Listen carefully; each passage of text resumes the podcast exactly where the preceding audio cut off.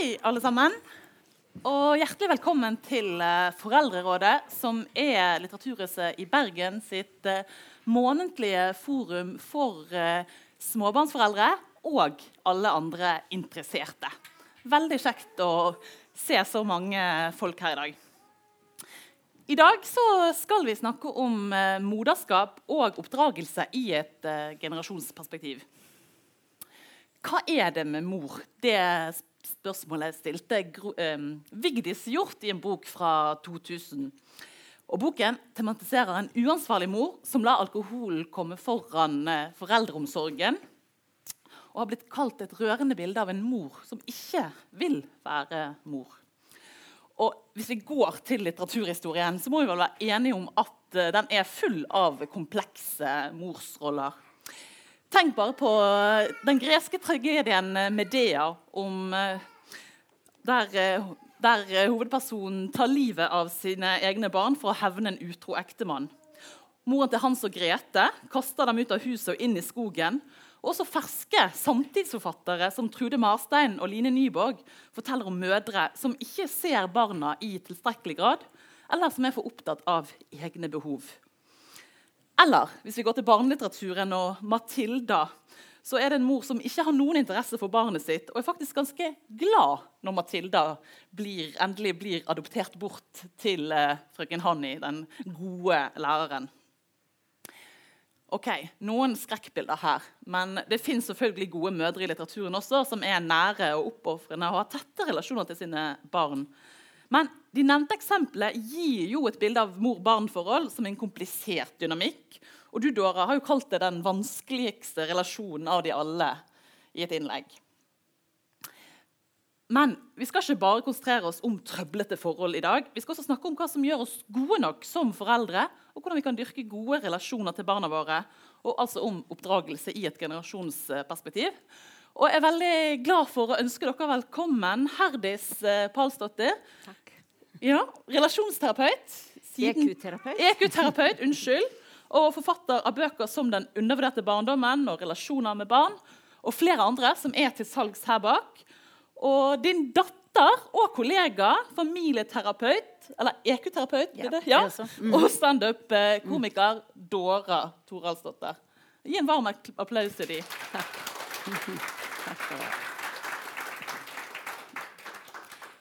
Ja, dere har jo vært veldig åpne om deres eh, forhold. Så jeg vil at vi begynner rett og slett på 70-tallet. Da blir du uh, mor for første gang. Ja, hva, hva, slags mamma var du den gang? Uff. wow! Enkelt spørsmål. Eh, ja, det var veldig lite. Først har jeg lyst til å si at ja. Vi flyttet til Bergen i 1975 da Dora var to år. Så jeg syns det er veldig hyggelig å være her. Jeg har bare lyst til å si det. Så Dora er da litt, litt bergenser? Litt bergenser. Jeg bodde her fra to til fire og skarre til jeg var tolv. Ja.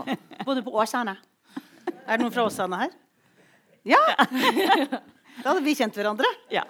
Det er jo så litt Men da vil jeg gjerne tilbake til spørsmålet. Hva slags mor jeg var. Eh, jeg tenker at den gangen da Dora ble født i 73. Ja, var det ikke det? Jo. Det liksom. Da opplevde jeg at det var veldig lite fokus på morsrollen. Det var veldig lite snakket om eh, hvordan det var hensiktsmessig å møte barn. Det var som om det var en selvfølge at det er noe alle kan. på en mm. måte. Så jeg følte meg utrolig lite forberedt. Og jeg bare husker på fødeklinikken eh, at da eh, andre dag så kom min, hennes far på besøk, og jeg hadde på meg en ny morgenkåpe som jeg hadde fått av noen venninner. Og den gangen hadde vi masse sånne eh, ja, sykehusundertøy uh, under som tok masse plass. Og så husker jeg alltid at han sa Oi, har du ikke gått ned i det hele tatt?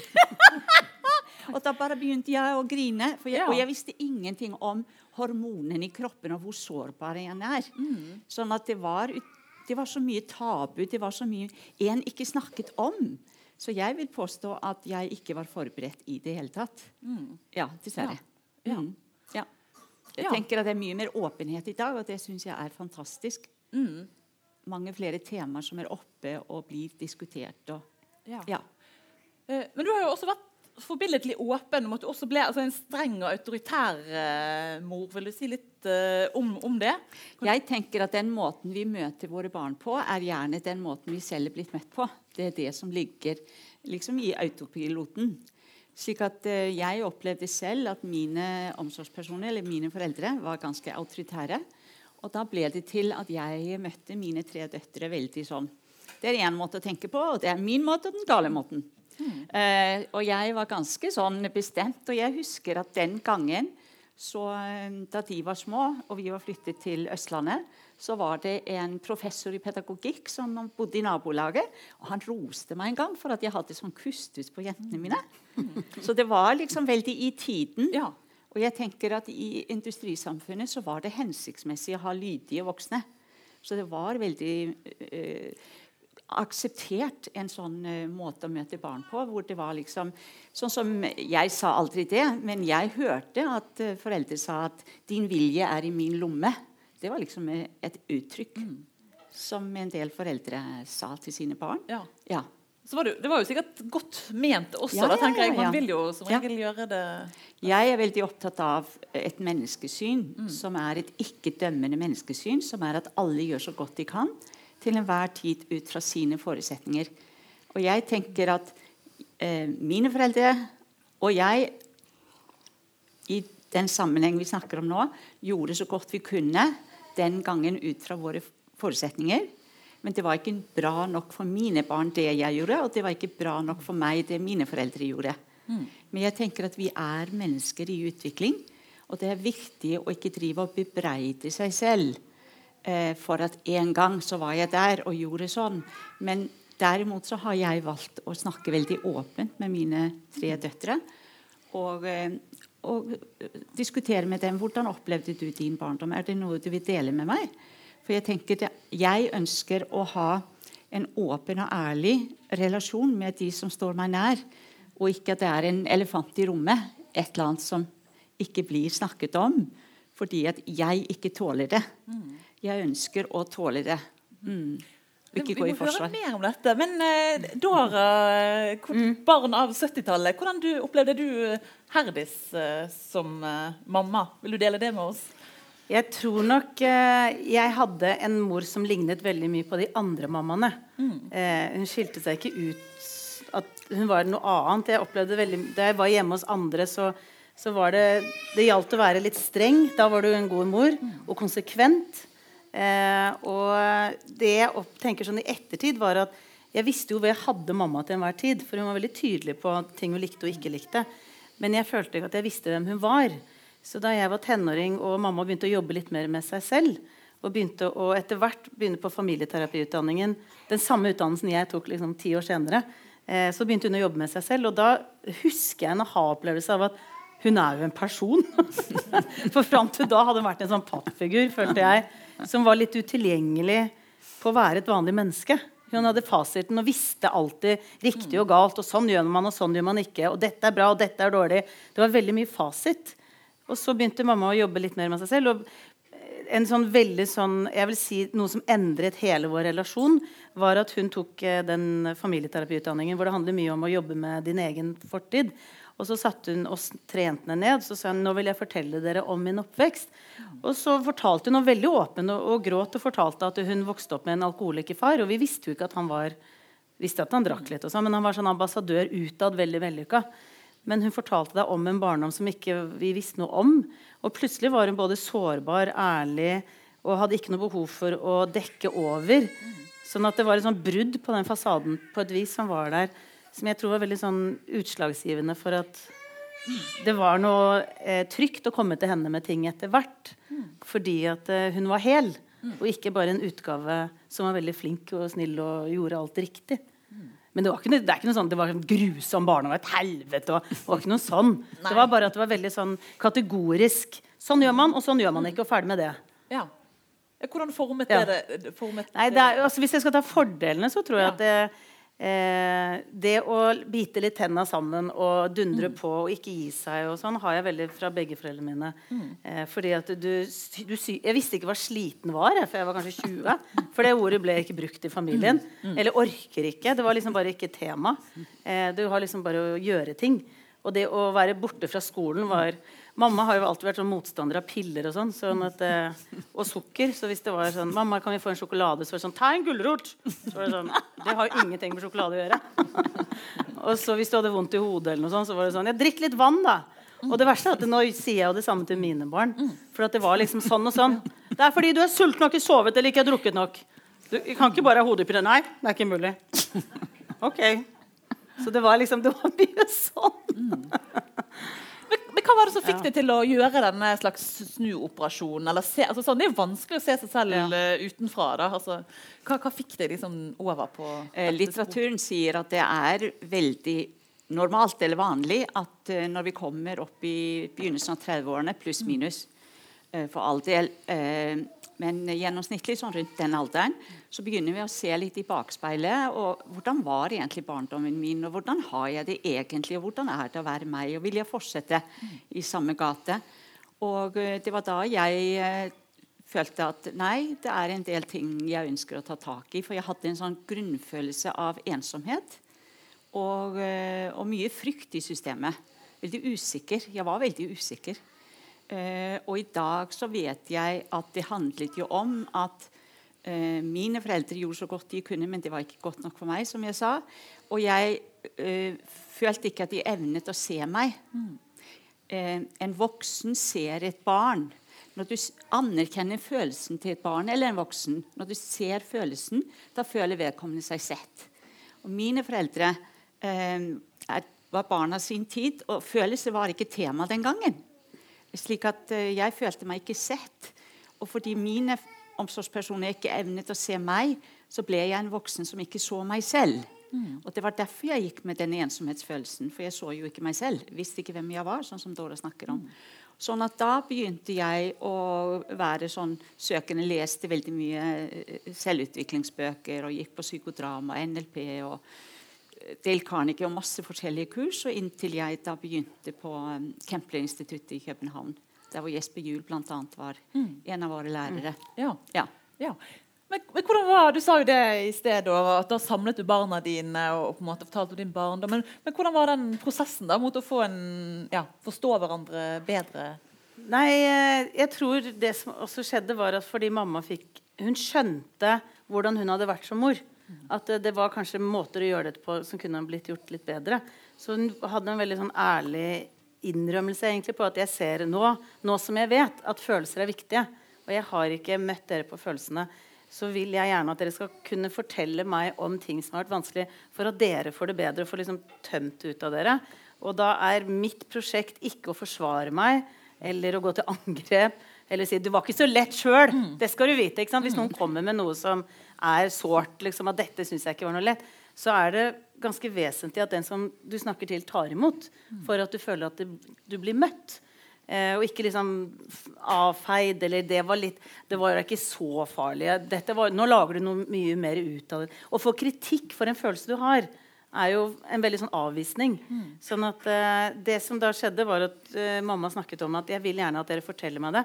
Og så opplevde vi at hun tok imot. At hun sa jeg hører at det var vondt for deg. Og jeg skjønner at det var ikke noe ålreit, og jeg er lei meg for det. Jeg visste ikke bedre. Men jeg skjønner, Og så hadde ikke det der behovet for å forsvare seg som hun gjorde før. Så da ble det til at vi fikk liksom rydda litt opp i ting som hadde skjedd som kanskje ikke var helt ålreit. Samme hvor stort eller lite det var, så ble det mottatt og tatt imot. Og da var det akkurat som noe slapp. på en måte. Så de kanskje sårene på en måte som var i oppveksten, de ble veldig helet ved å ha de samtalene hvor jeg ble liksom møtt på det som hadde vært vanskelig. da. Ja.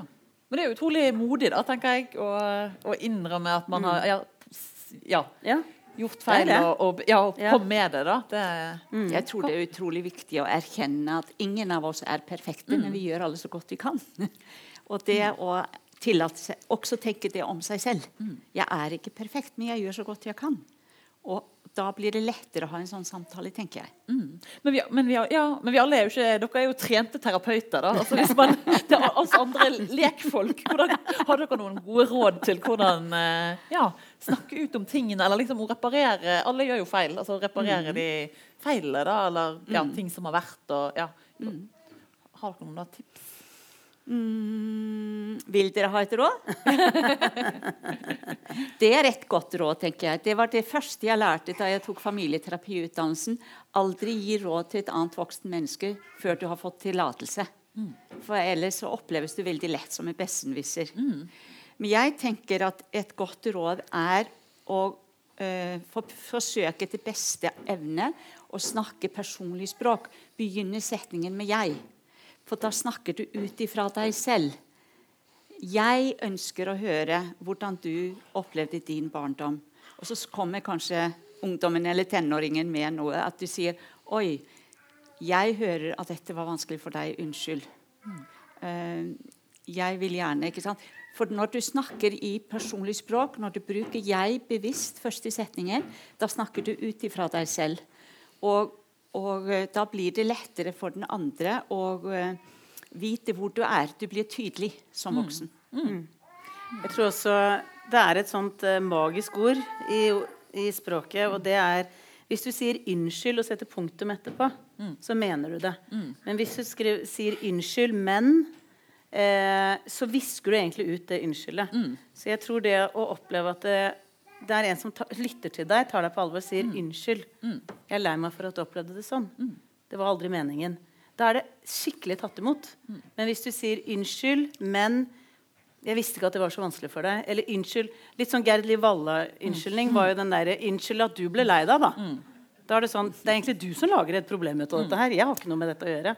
Sånn at jeg tenker at det er en ganske sånn vesentlig del også. Det å si unnskyld, og så ferdig. Da tar du ansvar for det som har skjedd. Ja. Og ikke bortforklare. Tror jeg også. Mm. Og så tror jeg et grunn, fordi at jeg opplever at Når jeg sier at jeg har drevet et firma med Nå er det snart 13 år siden vi starta. Eh, når jeg sier at jeg jobber med moren min har gjort det i 13 år, så er det veldig sjelden folk blir misunnelige. det er veldig sjelden folk sier 'jeg skulle ønske det var meg', som jobba så tett med moren min. Ja. Så da, jeg har blitt spurt ganske ofte hva er det som gjør at dere det jeg tenker er jo en god reklame for det vi driver med, som handler om emosjonell intelligens mm. og relasjoner, er jo nettopp at vi er mor og datter. Mm. Da, da, er det noe vi driver med som funker. Jeg føler at det er sånn indirekte reklame for det vi holder på med. Eh, og jeg vil påstå at en av hovedgrunnene jeg, til at dette går så bra, er Nå skal jeg si noe som kanskje kommer litt overraskende. Mamma slutta å være mamma for veldig mange år siden. Mm. Hun blander seg ikke inn i mine valg. Hun driver ikke og synser en masse om hva jeg skal gjøre eller ikke gjøre. Og hun driver ikke og sier eh, 'korrigerer meg'. Men det er mer sånn du får holde på, altså Hun har full tillit til at jeg klarer å leve mitt liv. Så det som skjer da, er at vi blir mer likeverdige eh, som mennesker. sånn at hvis jeg sier noe til mamma da jeg valgte å gjøre det og det, og det var litt dumt fordi at det og det skjedde, så vil, opplever jeg ikke at du sier noe sånn Ja, det var vel kanskje ikke så veldig smart, det heller, da. Eller den derre sånn, sånn der mor som skal liksom tilrett, eller sånn korrigere hele veien. Det er mer en sånn Ditt liv, du tar dine valg, du lærer det du lærer. Hvis du vil spørre meg om råd, så gjerne spør, men jeg må ikke bli spurt. Mm. Men det, jeg tror det er veldig mye av nøkkelen. Du naila den. Men Har det vært vanskelig å bli sånn at man ikke skal eh, blande seg? Eller kommer det liksom helt naturlig nå? Eller er det ganger du får lyst til å si Dora, dette burde du ikke gjort? jeg tenker at den største gaven jeg kan gi til mine barn mm. som foreldre, det er at jeg eh, skaper et liv for meg som meningsfylt for meg. Mm. Eh, for da eh, blir ikke barna mine mitt prosjekt, på en måte. Mm. Da blir det naturlig for meg å ha fokus på mitt liv og glede meg over at jeg har voksne barn som er selvstendige. Ja. Mm. ja. Men vi må tilbake til eh, som mor og datter i mm. et sånn generasjonsperspektiv. da, og mm. på, Vi begynte jo på 70-tallet, men på 90-tallet Nei, 2000-tallet! Mm. Da, da, blir du mamma. Kan du ja. si litt om hva, altså, hva slags uh, mor var du opp, opptatt av å være? Eller si litt om hva tanker du har hatt om din egen morsrolle? Ja. Eh, det som var litt flaks for meg, var at eh, jeg tok denne Jeg ble jo gravid mens jeg tok familieterapiutdanningen. Eh, sånn at jeg lærte jo veldig mye om viktigheten av å ta barns følelser på alvor. Sånn at jeg var veldig sånn klar over det tidlig. At det å klare å skille sak og person Du kan godt være dønn uenig i det barnet gjør, men at barnet føler seg likevel elsket. For det, det vi har gjort i veldig mange generasjoner, er at hvis barn gjør noe som foreldrene ikke liker, så he Herregud, jeg kan ikke velte du glasset? Du må skjønne Du kan gå så nærme bordet! Du må, ikke sant? Og så alt ved deg er feil, er jo egentlig det du formidler. Eller er det barnet oppfatter. da. Mens det er det å si Men jeg vil ikke at du gjør dette. Jeg ser at du er sint, men jeg vil ikke at du gjør, slår. Eller jeg, jeg ser at du er lei deg, men det du gjør, er kanskje ikke ålreit. Men den du er, aksepterer jeg og elsker jeg. Sånn at det å klare å skille sak og person eh, har jeg vært så klar over så tidlig. Så det har liksom vært veldig høyt oppe for å si det sånn, å gjennomføre det i praksis. da. Eh, så det er jo Fordelen med å holde foredrag er at jeg kan, kan en del ting Ja. eh, som jeg da har brukt på barna. Men det er jo selvfølgelig jeg er jo et menneske, òg, mm. Så jeg har jo klikka i vinkel mange, mange mange ganger. Selvfølgelig. Men da er det det at jeg vet at hvis jeg unngår å definere barn ved å si 'du er umulig', 'du må klønete', 'du må skjønne' Det er det som sårer og skader barn. Så ikke begynne en setning med 'du er', og så definere barnet som noe. Hvis du klarer å la være å gjøre det, så har du kommet et godt stykke på vei. Ja. Men du, du har jo også blitt mor i en annen generasjon. Ja. Altså, hva tenker dere har skjedd på disse årene fra 70-tallet, da du ble mor, til eh, 2000-tallet, når det gjelder liksom tanken Ja. om eh, en god forelder og, og barnet? Da. Det er litt interessant å, å se litt på det også. Jeg, kan, jeg, kan bare, jeg, jeg vet at begge to har masse på hjertet her. Du kan begynne. Okay. Ok. Eh, Jeg tenker at da jeg fikk Dora, da var barn Det var ikke så viktig med barn. Eh, de peller av De husker jo ingenting fra før eh, tre-fireårsalderen. Det var liksom eh, Barn ble ofte sett på som tomme kar, og det var vår oppgave som voksne å fylle de tomme karene med det som vi vil at de tilegner seg av kunnskap. Eh, Så i dag tenker jeg at vi vet så utrolig mye mer om hvor sårbare barn er primært de første seks leveårene. For da er de primært følelsesvesener. Og det vi vet, det er at i den alderen der så får barna enten følelse av at jeg er bra nok i kraft av å være den jeg er, eller motsatt at eh, jeg får ingenting til. Og det blir jo utrolig avgjørende for hva slags liv en skaper for seg selv med den ene og den andre programmeringen.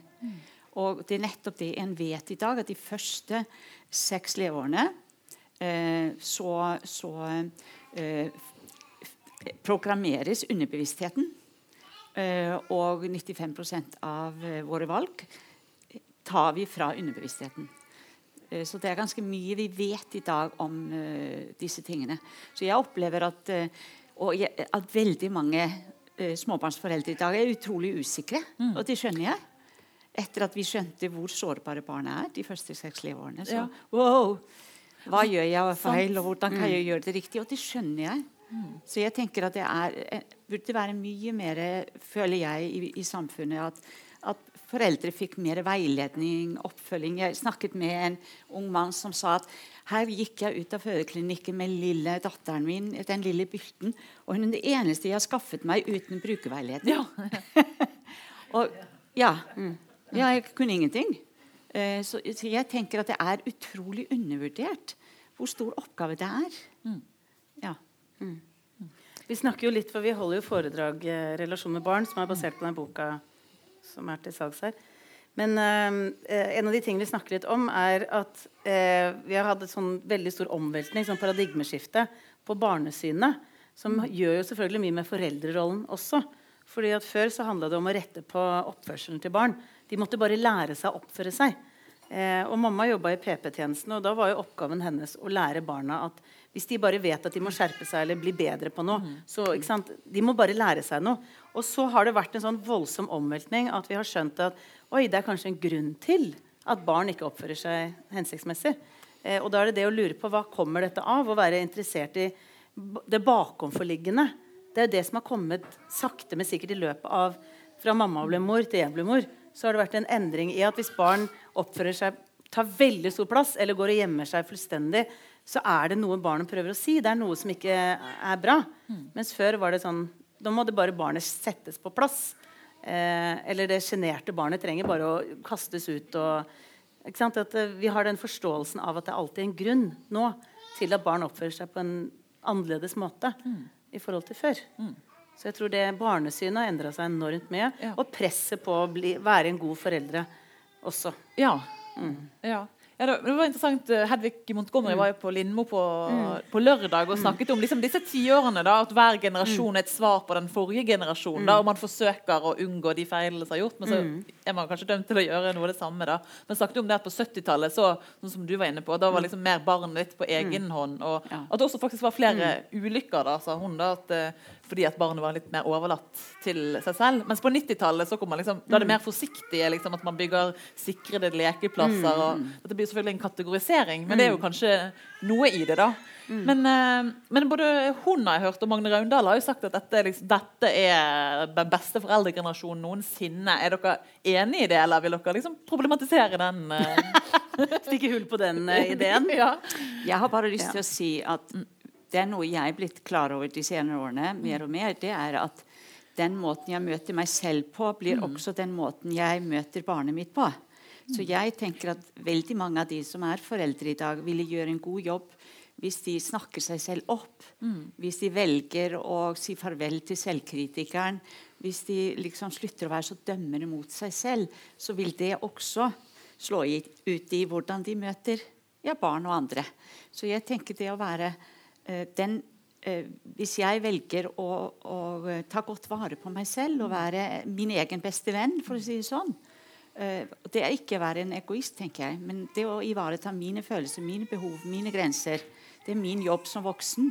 Da blir jeg faktisk en god rollemodell, og da slipper barna ta vare på meg. Da kan de leke og være barn. Ja. Da har de en voksen som tar godt vare på seg selv. Ja, bare For å stikke hull på den ideen om at alt er mye bedre nå. ja. Dette er litt sånn kjent å si, men eh, jeg tror absolutt at det er en fantastisk foreldregenerasjon. fordi at jeg er mye mer opptatt av barnets ve og vel og vet at det, her legges grunnlag for hvordan de får det som voksne. Eh, og jeg tror det er helt undervurdert hvordan vi snakker om oss selv, hvor mye barn kopierer oss. De, tar, de gjør ikke det vi sier, men de gjør det vi gjør. Så hvis du har sånn Finn fem feil-leken i speilet hver dag, og så har du et barn som står ved siden av og tenker sånn hm, Det er sånn man snakker om seg selv. Så har du liksom lagt grunnen der.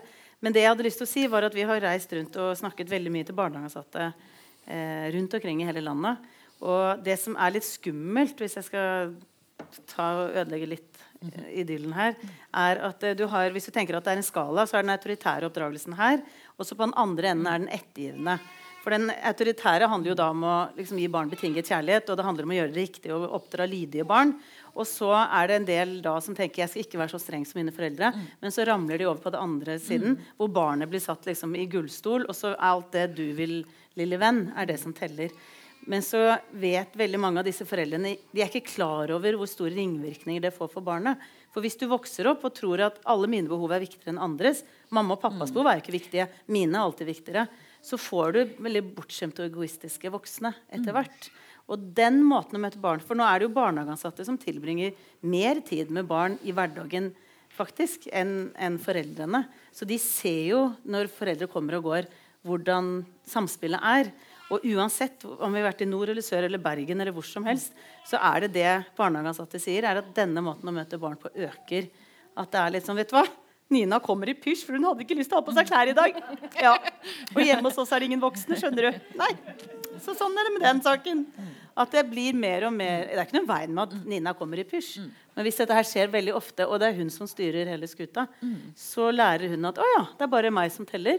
Og så sliter hun veldig som voksen i relasjoner, for veldig få mennesker liker å omgås de som skal alltid ha det på sin måte. Og dette er litt skremmende, egentlig, fordi det kommer veldig ofte som en konsekvens av dårlig samvittighet. Enten at du er mindre med barna pga. jobb, kanskje, eller eventuelt skilsmisse. da, at Når du er den uka hos mamma, så skal det bare være eller pappa, skal det bare være gøy, og jeg skal ikke være kjip, du får ikke nei fra meg. Og hvis begge foreldrene er sånn, så har de skapt et ganske vanskelig liv for det barnet. Så der røyk den illusjonen. Ja. Og Derfor tenker jeg at det å være ettergivende det er ikke f.eks. å gi fem is til et barn på en varm sommerdag hvis det er det en vil. Men det å være ettergivende omsorgsperson det er å si ja med munnen eller med ord. og si nei med kroppen når en dobbeltkommuniserer, når en går på akkord med seg selv. Så det er jo å ikke ta vare på seg selv. Det er jo å ikke høre på seg selv. Barnet blir liksom eh, nummer ett i relasjonen. Men jeg vil gjerne at den voksne er nummer ett for seg selv. Ja. Ja. Mm. Altså, I Foreldrerådet så har vi jo underveis diskutert litt om det der å være en god nok forelder. da. For Mm. Vi alle gjør jo så godt vi kan, og, men altså, noen feil er vi kanskje Mm. dømt til å gjøre. Men, men hva tenker dere da? Liksom, hva, hva er det som må til? Eh, har dere noen gode råd for at vi skal eh, være gode Ja, oppdragere og omsorgs... Eh, jeg tenker jo at dårlig samvittighet at det, altså det fins sunn dårlig samvittighet og giftig dårlig samvittighet. Og for min egen del så har jeg kjent litt på den sunne dårlige samvittigheten. Hvis jeg, for jeg har to standup-show for eksempel, og vært mye borte i forbindelse med det. Og da har jeg kjent på litt dårlig samvittighet. Oi, nå er det tredje kvelden på rad borte. Eh, og det, det, det fører, altså Grunnen til at vi er utstyrt med dårlig samvittighet, er jo muligheten til å korrigere, sånn at ikke vi gjør altfor mye dumme ting. Eh, og da har jeg kjent på at ok, nå vil jeg si nei til flere ting fremover. Eller det er maks to kvelder i uka. eller et eller annet, Da gjør jeg noe håndfast. Men det som ikke er noe bra, tenker jeg, er jo giftig dårlig samvittighet. Når du går og kritiserer deg selv for å være en dårlig mor hele tiden uten å ha noen mulighet til å gjøre noe med det. Det er bare en sånn konstant kritikk av deg selv. Og det har ikke barnet ditt noe nytte av, og ikke deg selv. Så det er noe som drar deg bare ned, får deg i dårligere humør, føler deg mindre verdt og som er veldig destruktivt. Og det er jo bare å dømme deg selv egentlig med å ikke holde mål. Og jeg tror at eh, det å ha en eh, Nå hadde jo jeg Espe Juel som mamma også eh, som min hovedlærer. og Hvis det var én ting han var veldig opptatt av å formidle, så var det at den beste gaven du kan gi til dine barn, er å ha det bra. Og det lente jeg meg ganske hardt på da jeg valgte å gå fra faren til mine to barn, som jeg da ikke er sammen lenger. Eh, at jeg ble en mye bedre mor av å få det bedre ved å ikke være i den, det forholdet. Eh, så, var jeg, så var jeg mye bedre mor, og også en rollemodell på at vet du hva, hvis ikke du har det bra over lang tid, så ta vare på deg selv. Så jeg var veldig opptatt Istedenfor å kvernes med dårlig samvittighet over at nå har de liksom eh, to foreldre som ikke bor sammen, så var jeg veldig opptatt av Ikke at jeg gikk med kjempegod samvittighet, det var ikke det. Men, men jeg var veldig opptatt av å være raus med meg selv. At dette her er å ta godt vare på meg. Og så vil det manifisere seg til de også, tror jeg. Vil du legge til noe? Eh, Det var spørsmålet var om oppdragelsen. Jeg tror jeg endte opp et Jeg vet ikke om jeg svarte på spørsmålet Men nå kommer jeg på noe annet. eh, For du er, du er, for du er jo også bestemor. Altså, er du en annen eh, selvfølgelig er man det, men altså, er du en annen utgave som bestemor enn du liksom møtte, Møter du de barna på en annen, barnebarna på en annen måte? Eller hva slags tanker har du om besteforeldrerollen? Å, det er fantastisk. Mm. Du snakket om Magne Raundalen. Og jeg husker han sa en gang at alle barn trenger foreldre som elsker dem, og besteforeldre som forguder dem. og det er noe i det, tenker jeg. Og eh, jeg syns det er fantastisk å ha tilegnet meg eh, økt grad av emosjonell intelligens, vil jeg si. Ja. Eh, ja, eh, emosjonell intelligens, eller EQ, det er det samme som selvfølelse. Og det handler om at vi erkjenner mye mer i dag at vi er våre følelser, vi er ikke våre tanker. Våre tanker er våre sannheter, eh, vår faktakunnskap. Eh, EQ er liksom å kunne gjenkjenne følelser og møte følelsene på en hensiktsmessig måte. Og kunne gjenkjenne følelser hos andre. Og kunne ta godt vare på seg selv. Ha redskapene til når jeg blir sint. Ha gode strategier for meg selv, slik at jeg anerkjenner mitt sinne og møter det på en hensiktsmessig måte. Og jeg merker at fordi jeg har jobbet med meg selv og bearbeidet min historie, alle de ufølte følelsene i min historie, slik at la oss si at jeg blir sint på barnebarna, eh, så blir jeg sint her og nå. Men det blir, jeg blir ikke sint ganger alle de eh, gangene jeg blir sint, og som jeg har pakket bort. For da blir ofte reaksjonen ikke her og nå, men den blir voldsom i forhold til det som skjer her og nå. Så jeg opplever at jeg har en eh, mye nærere og kjærligere og mer slitesterk relasjon med mine barnebarn eh, enn jeg hadde min- med mine egne tre barn da de var i samme alder. Og det er litt vondt å si. Men det handler jo om at jeg kan ikke se et annet menneske i større grad enn jeg ser meg selv. Og jeg opplever pga. at jeg har jobbet med meg selv, så ser jeg meg selv i større grad, mine følelser. Og da gjenkjenner jeg også og kan møte barnebarna på en sånn måte at de føler seg trygge sammen med meg, opplever jeg. Og jeg kan nevne et eksempel, får jeg lov til det? Ja. Eh, Det var slik at jeg var eh, sammen med faren til Dora, barnevakt for eh, tre barnebarn. Eh, Foreldrene de dro på ferie en uke, og vi var eh, der sammen med tre barnebarn. Og de yngste er seks og tre år. Og eh, foreldrene hadde nesten ikke kjørt ut innkjørselen. Og så begynner hun første på seks. Hun begynte å kaste opp. Og hun kastet opp overalt. ja. Mm. Og eh, mormor vasket, og morfar vasket, og vi holdt på der i, Hun kastet opp tre eller fire ganger, også om natten. natt til tirsdag. Og så, eh, når hun hadde sluttet, så begynte treåringen. Så da vi kom til torsdag Jeg merker at jeg er blitt 68 og et halvt. Jeg liker å si det, for jeg er opptatt av å være ærlig om alder. Ja. Jeg vil ikke være med på noe annet. Sånn sier barna også. De er fem og et halvt, jeg er 68 og et halvt. Men i hvert fall så eh, kom vi til eh, torsdag, og da var hun eh, på tre år ikke helt i slaget. Og hun ville ikke det, og hun ville ikke sånn. og hun på seks år hun hang seg litt på, og jeg merket bare hvordan jeg ble mer og mer sånn Jeg var sliten, jeg var trøtt, og jeg luktet sånn eh, oppkast eh, ja, i hele ja. Og da Jeg vil gjerne at du holder for ørene. Det er jo barn her, så jeg vil ikke skrike for høyt. Jeg vil bare si det litt dempet, men jeg skrek mye høyere enn jeg gjør nå. For da gjorde jeg sånn Jeg er sliten, jeg er trøtt, jeg er lei, jeg orker ikke mer. Og når jeg har det sånn, så er det deilig å gjøre det jeg gjør nå. Nå har jeg det mye bedre. Og så, så så jeg disse fire øynene som så på meg. Men det som var så fascinerende, det var at det var fire øyne som ikke så redde ut. For jeg hadde jo satt ord på hvor jeg var, men jeg hadde også sagt at når jeg gjør sånn, så får jeg det mye bedre. Jeg hadde tatt ansvar for følelsene. Jeg, hvis jeg hadde sluttet med 'Jeg er sliten, jeg er trøtt, jeg er lei', og sluttet der. Oi, hva kan vi gjøre for å hjelpe mm. deg? liksom? Og når jeg har det sånn, så syns jeg det er deilig å gjøre det jeg gjør nå. Og så så jeg dem i øynene, og så merket jeg at de var mer sånn Det var litt rart, dette her, eller var, var det ikke det? Mm. Uh, men i gamle dager, mm. når Dora og hennes søstre var små, så hadde jeg nok sagt 'Jeg er trøtt, jeg er lei, jeg er mm. sliten, nå må dere slutte'. Og da hadde jeg sett fire redde øyne. For barn vil gjerne samarbeide. Så jeg tenker det er utrolig viktig hvis du kommer med sånne passive uttalelser 'Jeg er så sliten. Eh, jeg er så lei. Eh, jeg har så vondt i ryggen.' Mm. Så sett på handling. Ta det voksne lederansvaret. Derfor vil jeg legge meg i fem minutter, og da vet jeg at jeg får det mye bedre. Eller, at, mm. at, du tar ansvar for deg og ditt. Mm. For ellers gjør barna det. Så jeg merker at det er fantastisk å få lov til å være bestemor når jeg har tilegnet meg det jeg har tilegnet meg i voksen alder. Ja. Det gleder meg. Mm. Ja. Mm. Mm. Har du noe å tilføye? Nei, jeg bare sitter og hører på og tenker sånn Ja, for følger eh, For den gamle måten å møte barn på var mye mer sånn Det er barnas skyld. Mm. Ikke sant? Skjerp dere. Eh, mens nå handler det om hvordan har jeg det, hva gjør jeg med det, og så ikke henge det på barna. Mm. Men uh, å være ærlig Jeg tror det er også veldig sånn undervurdert.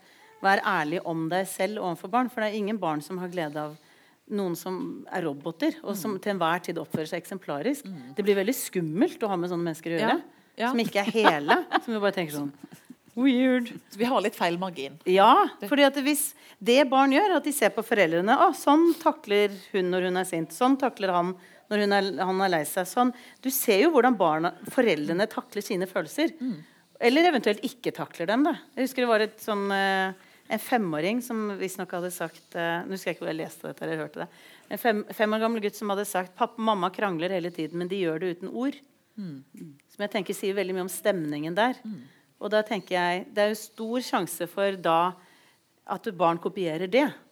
Eh, så de kopierer jo vår måte å håndtere våre følelser på. Og Derfor blir det ganske sånn stort ansvar å bli foreldre. fordi hvordan tåler jeg meg selv? Hvordan tåler jeg mine følelser? For det er det barna speiler. Så det å være en god mor, hvis jeg skal si det, tenker jeg at er, hvis du er veldig god på å ta vare på deg selv og Det høres egoistisk ut, men det er ikke det. Jeg ikke at alle skal bare gå på spa hele tida. jeg skal ta vare på meg selv, sånn er jeg god mor. Men det handler om at du ivaretar deg selv og dine behov. Og dermed er du god til å ivareta barnets behov og barnets følelser. For du har gjenkjennelse. Så derfor, den, den, delen er veldig undervurdert, syns jeg. da.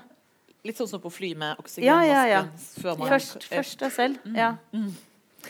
Men um, altså, selv nå det fins jo også farsoppgjør i Mm. litteraturen. altså Knausgård har jo skrevet fem bind eh, og tatt et oppgjør med sin far. Men, men i de eksemplene nevnte først, så handler det om liksom, morsrollen og Mm. den, mm. altså den eh, kompliserte moren som ikke ser sine barn, og til og med ja, fra, helt fra antikken. da.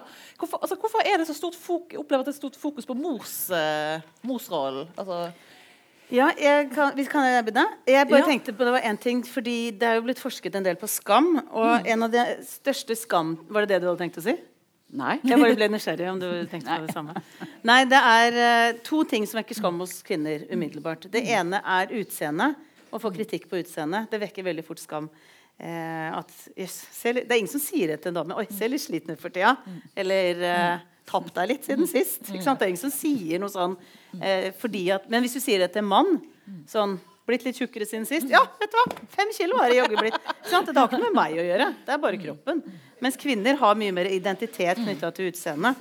Så det er derfor de fleste går på eggeskall når det kommer til utseendet på kvinner. For det er så fort gjort å, at det de, de vekker skam. Og det andre som vekker skam umiddelbart, når det er blitt forska på, er morsrollen. Hvis du sier til en dame at det er litt spesielt at du kjører og leverer sønnen din på fotballtrening og aldri ser på, så vil den moren veldig fort føle seg angrepet som mor. Hvis du sier det samme til en far, så er det sånn Men han trenger jo ikke at jeg er der, fordi jeg kan jo dra på jobben i den tida der. Så sant? At de tar ting personlig som Så det er veldig knytta til identitet og den rollen som kvinner liksom skal ha. er At det er det optimale er den fantastiske moren som er altoppofrende. Og det er liksom den ultimate kvinnen. Eh, så når du først får barn, så er det en ganske sånn klar fasit på hvordan du skal oppføre deg som mor hos de fleste. Og det er mye skam rundt å ikke lykkes. Så derfor blir det et stort tema. Tenker jeg. Ja, og handler det òg om liksom, tetthet? Altså, det er jo ofte nære Mm. forhold. Da, at, det, at det da kan bli komplisert, eller? Jeg tenker at um, det er ikke uten grunn at uh, når vi har terapier, så er det veldig ofte noe med mor, Ja. og sjeldnere noe med far. Jeg tenker at mor er barnets første kjærlighet. Det er jo mor som føder barnet, og det er mor som gjerne ammer. Og det, tilknytningen til mor blir veldig avgjørende for om barnet ja, føler seg trygg med en gang eller ikke i verden. Eh, så jeg tenker at mor har en veldig stor rolle som trygghetsbasen, den trygge havnen, sånn straks etter fødsel og de første dagene, ukene. Ja. Så tenker jeg, sånn Apropos terapier for nå, liksom, nå har du jo jobbet i mange flere år enn meg, men, men vi har den samme opplevelsen av at når vi jobber med mennesker som kommer med det såreste, mest private, mest vanskelige livet og åpner opp sitt innerste eh, Og da er det veldig ofte at vi ender opp med å snakke om mor, og i mindre grad far. Og det jeg syns er fascinerende, er hvor mye vi tilgir far og hvor strenge vi er med mor. Så da kan det være en i terapi som har terapi fordi mamma kom ikke i dåpen til yngstemann. Og så kan jeg si som en hvor var pappa For hun valgte å dra på til Mallorca. Eh, og så kan jeg si som men var faren din der? Nei, men han er aldri med på sånne ting, han. Ikke sant? Og da er det sånn Pappa er jo bare sånn. Eh, mens mamma, da har hun å stille opp. Det er mye mer fasit, opplever jeg, på hvordan en mor skal være. Og hvis hun Ja. ikke følger den fasiten, så er hun per definisjon en dårlig mor. Mens fedre har på en måte litt større slingringsmonn. Det har vært, Hvis jeg skal oppsummere generelt de flestes barndom, så er det fraværende far og deprimert mor. Det syns jeg er eh, gjennomgående.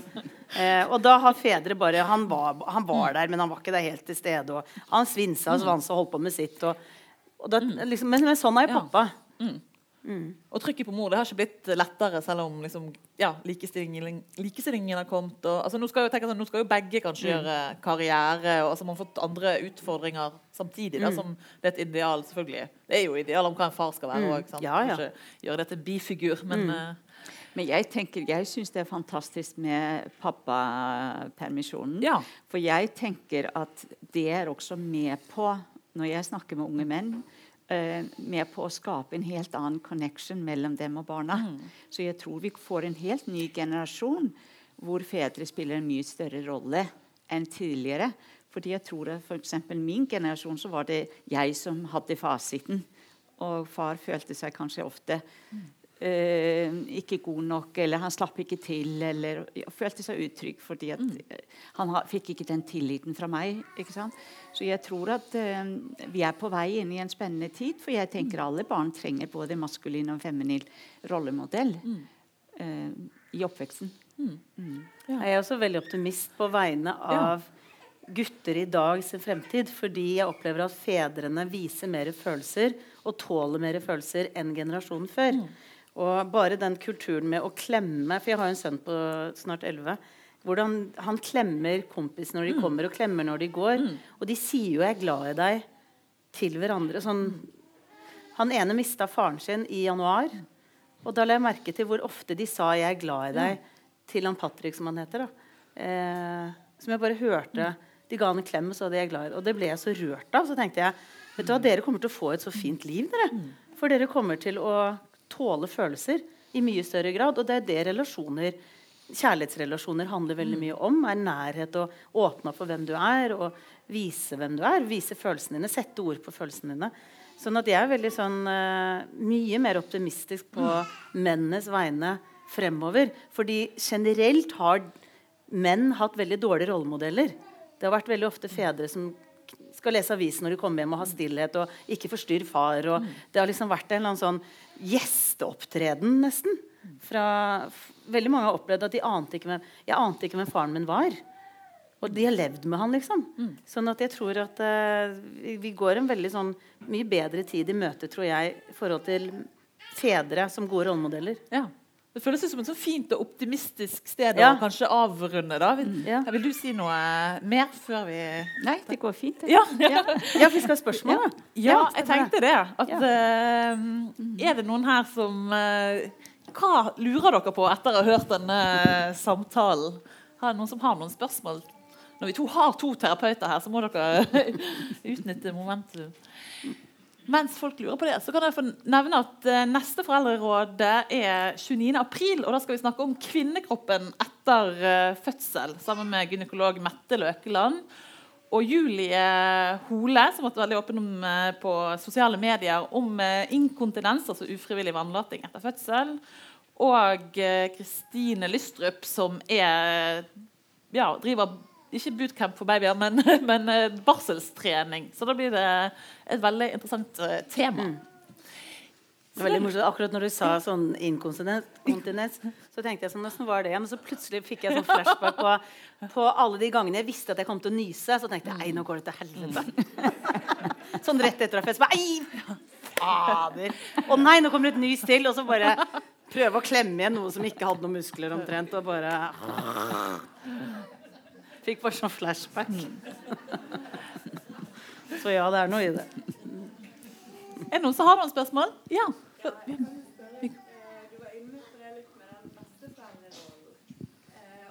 Det kommer mikrofon. Ja. Det er litt, eh, litt mye nysing her. Litt forkjølet. Det var den eh, besteforeldrerollen.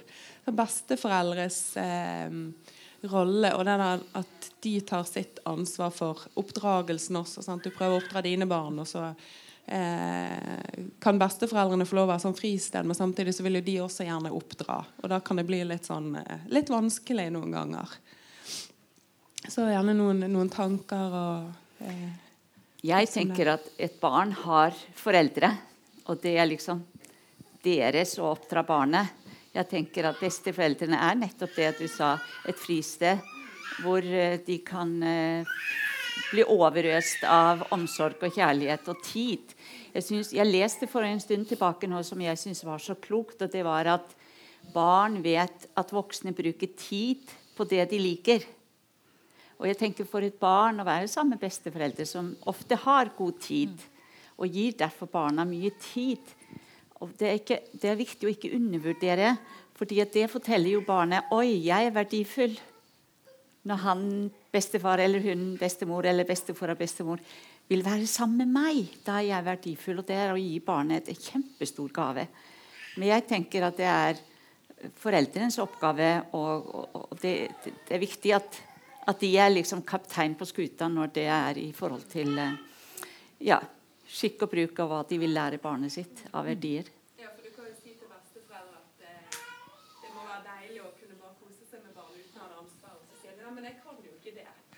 Ja. Men det kan de jo. Det er, det er et valg, tenker jeg. Ja. Ja, da skal Jeg er også bestemor. Jeg har seks barnebarn, og jeg er ti på 68.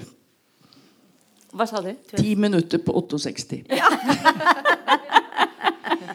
Bare lyst til å forsterke den oppvisningen du hadde her på scenen. Ja. Med en liten historie fra mitt eget liv. Jeg har hatt flere svigermødre, og jeg har forlatt barna deres etter tur. Eh, min første svigermor hadde migrene og var veldig plaget. Etter at jeg hadde sagt jeg ville forlate hennes barn, men før jeg hadde gjort det, så sier hun jeg vil gjerne takke deg, Jannicke. Hun sa det sånn nydelig sånn rogalandsdialekt. Jeg vil takke deg, Jannicke. Eh, og så sier jeg, for hva da? Ja, du har jo kurert meg. Så hva har jeg kurert deg for? Jeg har ikke hatt hodepine siden jeg begynte å være i lag med deg. Og så sa jeg, men det er- må være noe du har gjort selv. Det er ikke noe jeg har gjort. Nei, du har lært meg å brøle. Ja! Det er viktig, tenker jeg. Det er viktig. Ja. Ja, jeg tar meg selv på alvor og tillater meg å brøle når jeg har behov. Ja. ja. Ok, Takk skal du ha. flere spørsmål? Nei, for jeg tenker Det er veldig mange som er voksne i dag, tenker jeg, som har opplevd at for å få mammas og pappas kjærlighet, så tenkte jeg å oppføre meg pent og være snill og blid og glad og lydig. Og Derfor tenker jeg veldig mange voksne nettopp har mistet evnen til å, brøle hvis det er det de har behov for. Og så er det noe med å velge tid og sted, eh, slik at det blir bra for en selv. Eh, og også merker jeg når jeg er terapeut, jeg har vært terapeut fra år 2000, at det er veldig mange voksne mennesker som dessverre har problemer med å ta sorg på alvor og gråte. Fordi at eh, de ble ofte møtt med at 'det er ingenting å gråte for', eller eh, 'det er ikke så alvorlig', eller Ja, mye misforstått hvordan de ble møtt da de hadde sorg.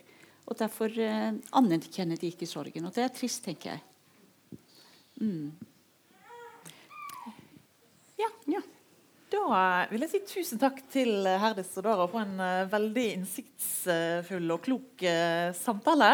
Og, Takk skal du ha. Og hvis noen vil lese mer om te- temaene som vi har vært innom, så fins det jo bøker til salgs her. Både 'Relasjoner med barn' og 'Den undervurderte barndommen'. Og relasjoner. Det er en som heter 'Relasjoner'. Ja, så da kan dere sikkert også få en personlig hilsen, tegning eller hva det måtte være. Og for de som sitter og kjenner sånn Jeg trenger å ha terapi med om mora mi eller noen i familien. Så er det sånn at Vi starta da Ekunstituttet i Oslo, og så etablerte vi det i Stavanger. Og nå er vi i Bergen! På Skjold helsehus. Så hvis dere trenger terapi, så hjertelig velkommen til av- Ekunstitutt. Avdelingslederen vår i Bergen sitter der. Anette, vil du reise deg? Hun er ansvarlig for Ekeinstituttet i Bergen. Anette da- Birkeland. Og tusen takk, tusen takk til publikum også. Ja, takk for deg. Takk skal dere ha. Takk skal dere ha.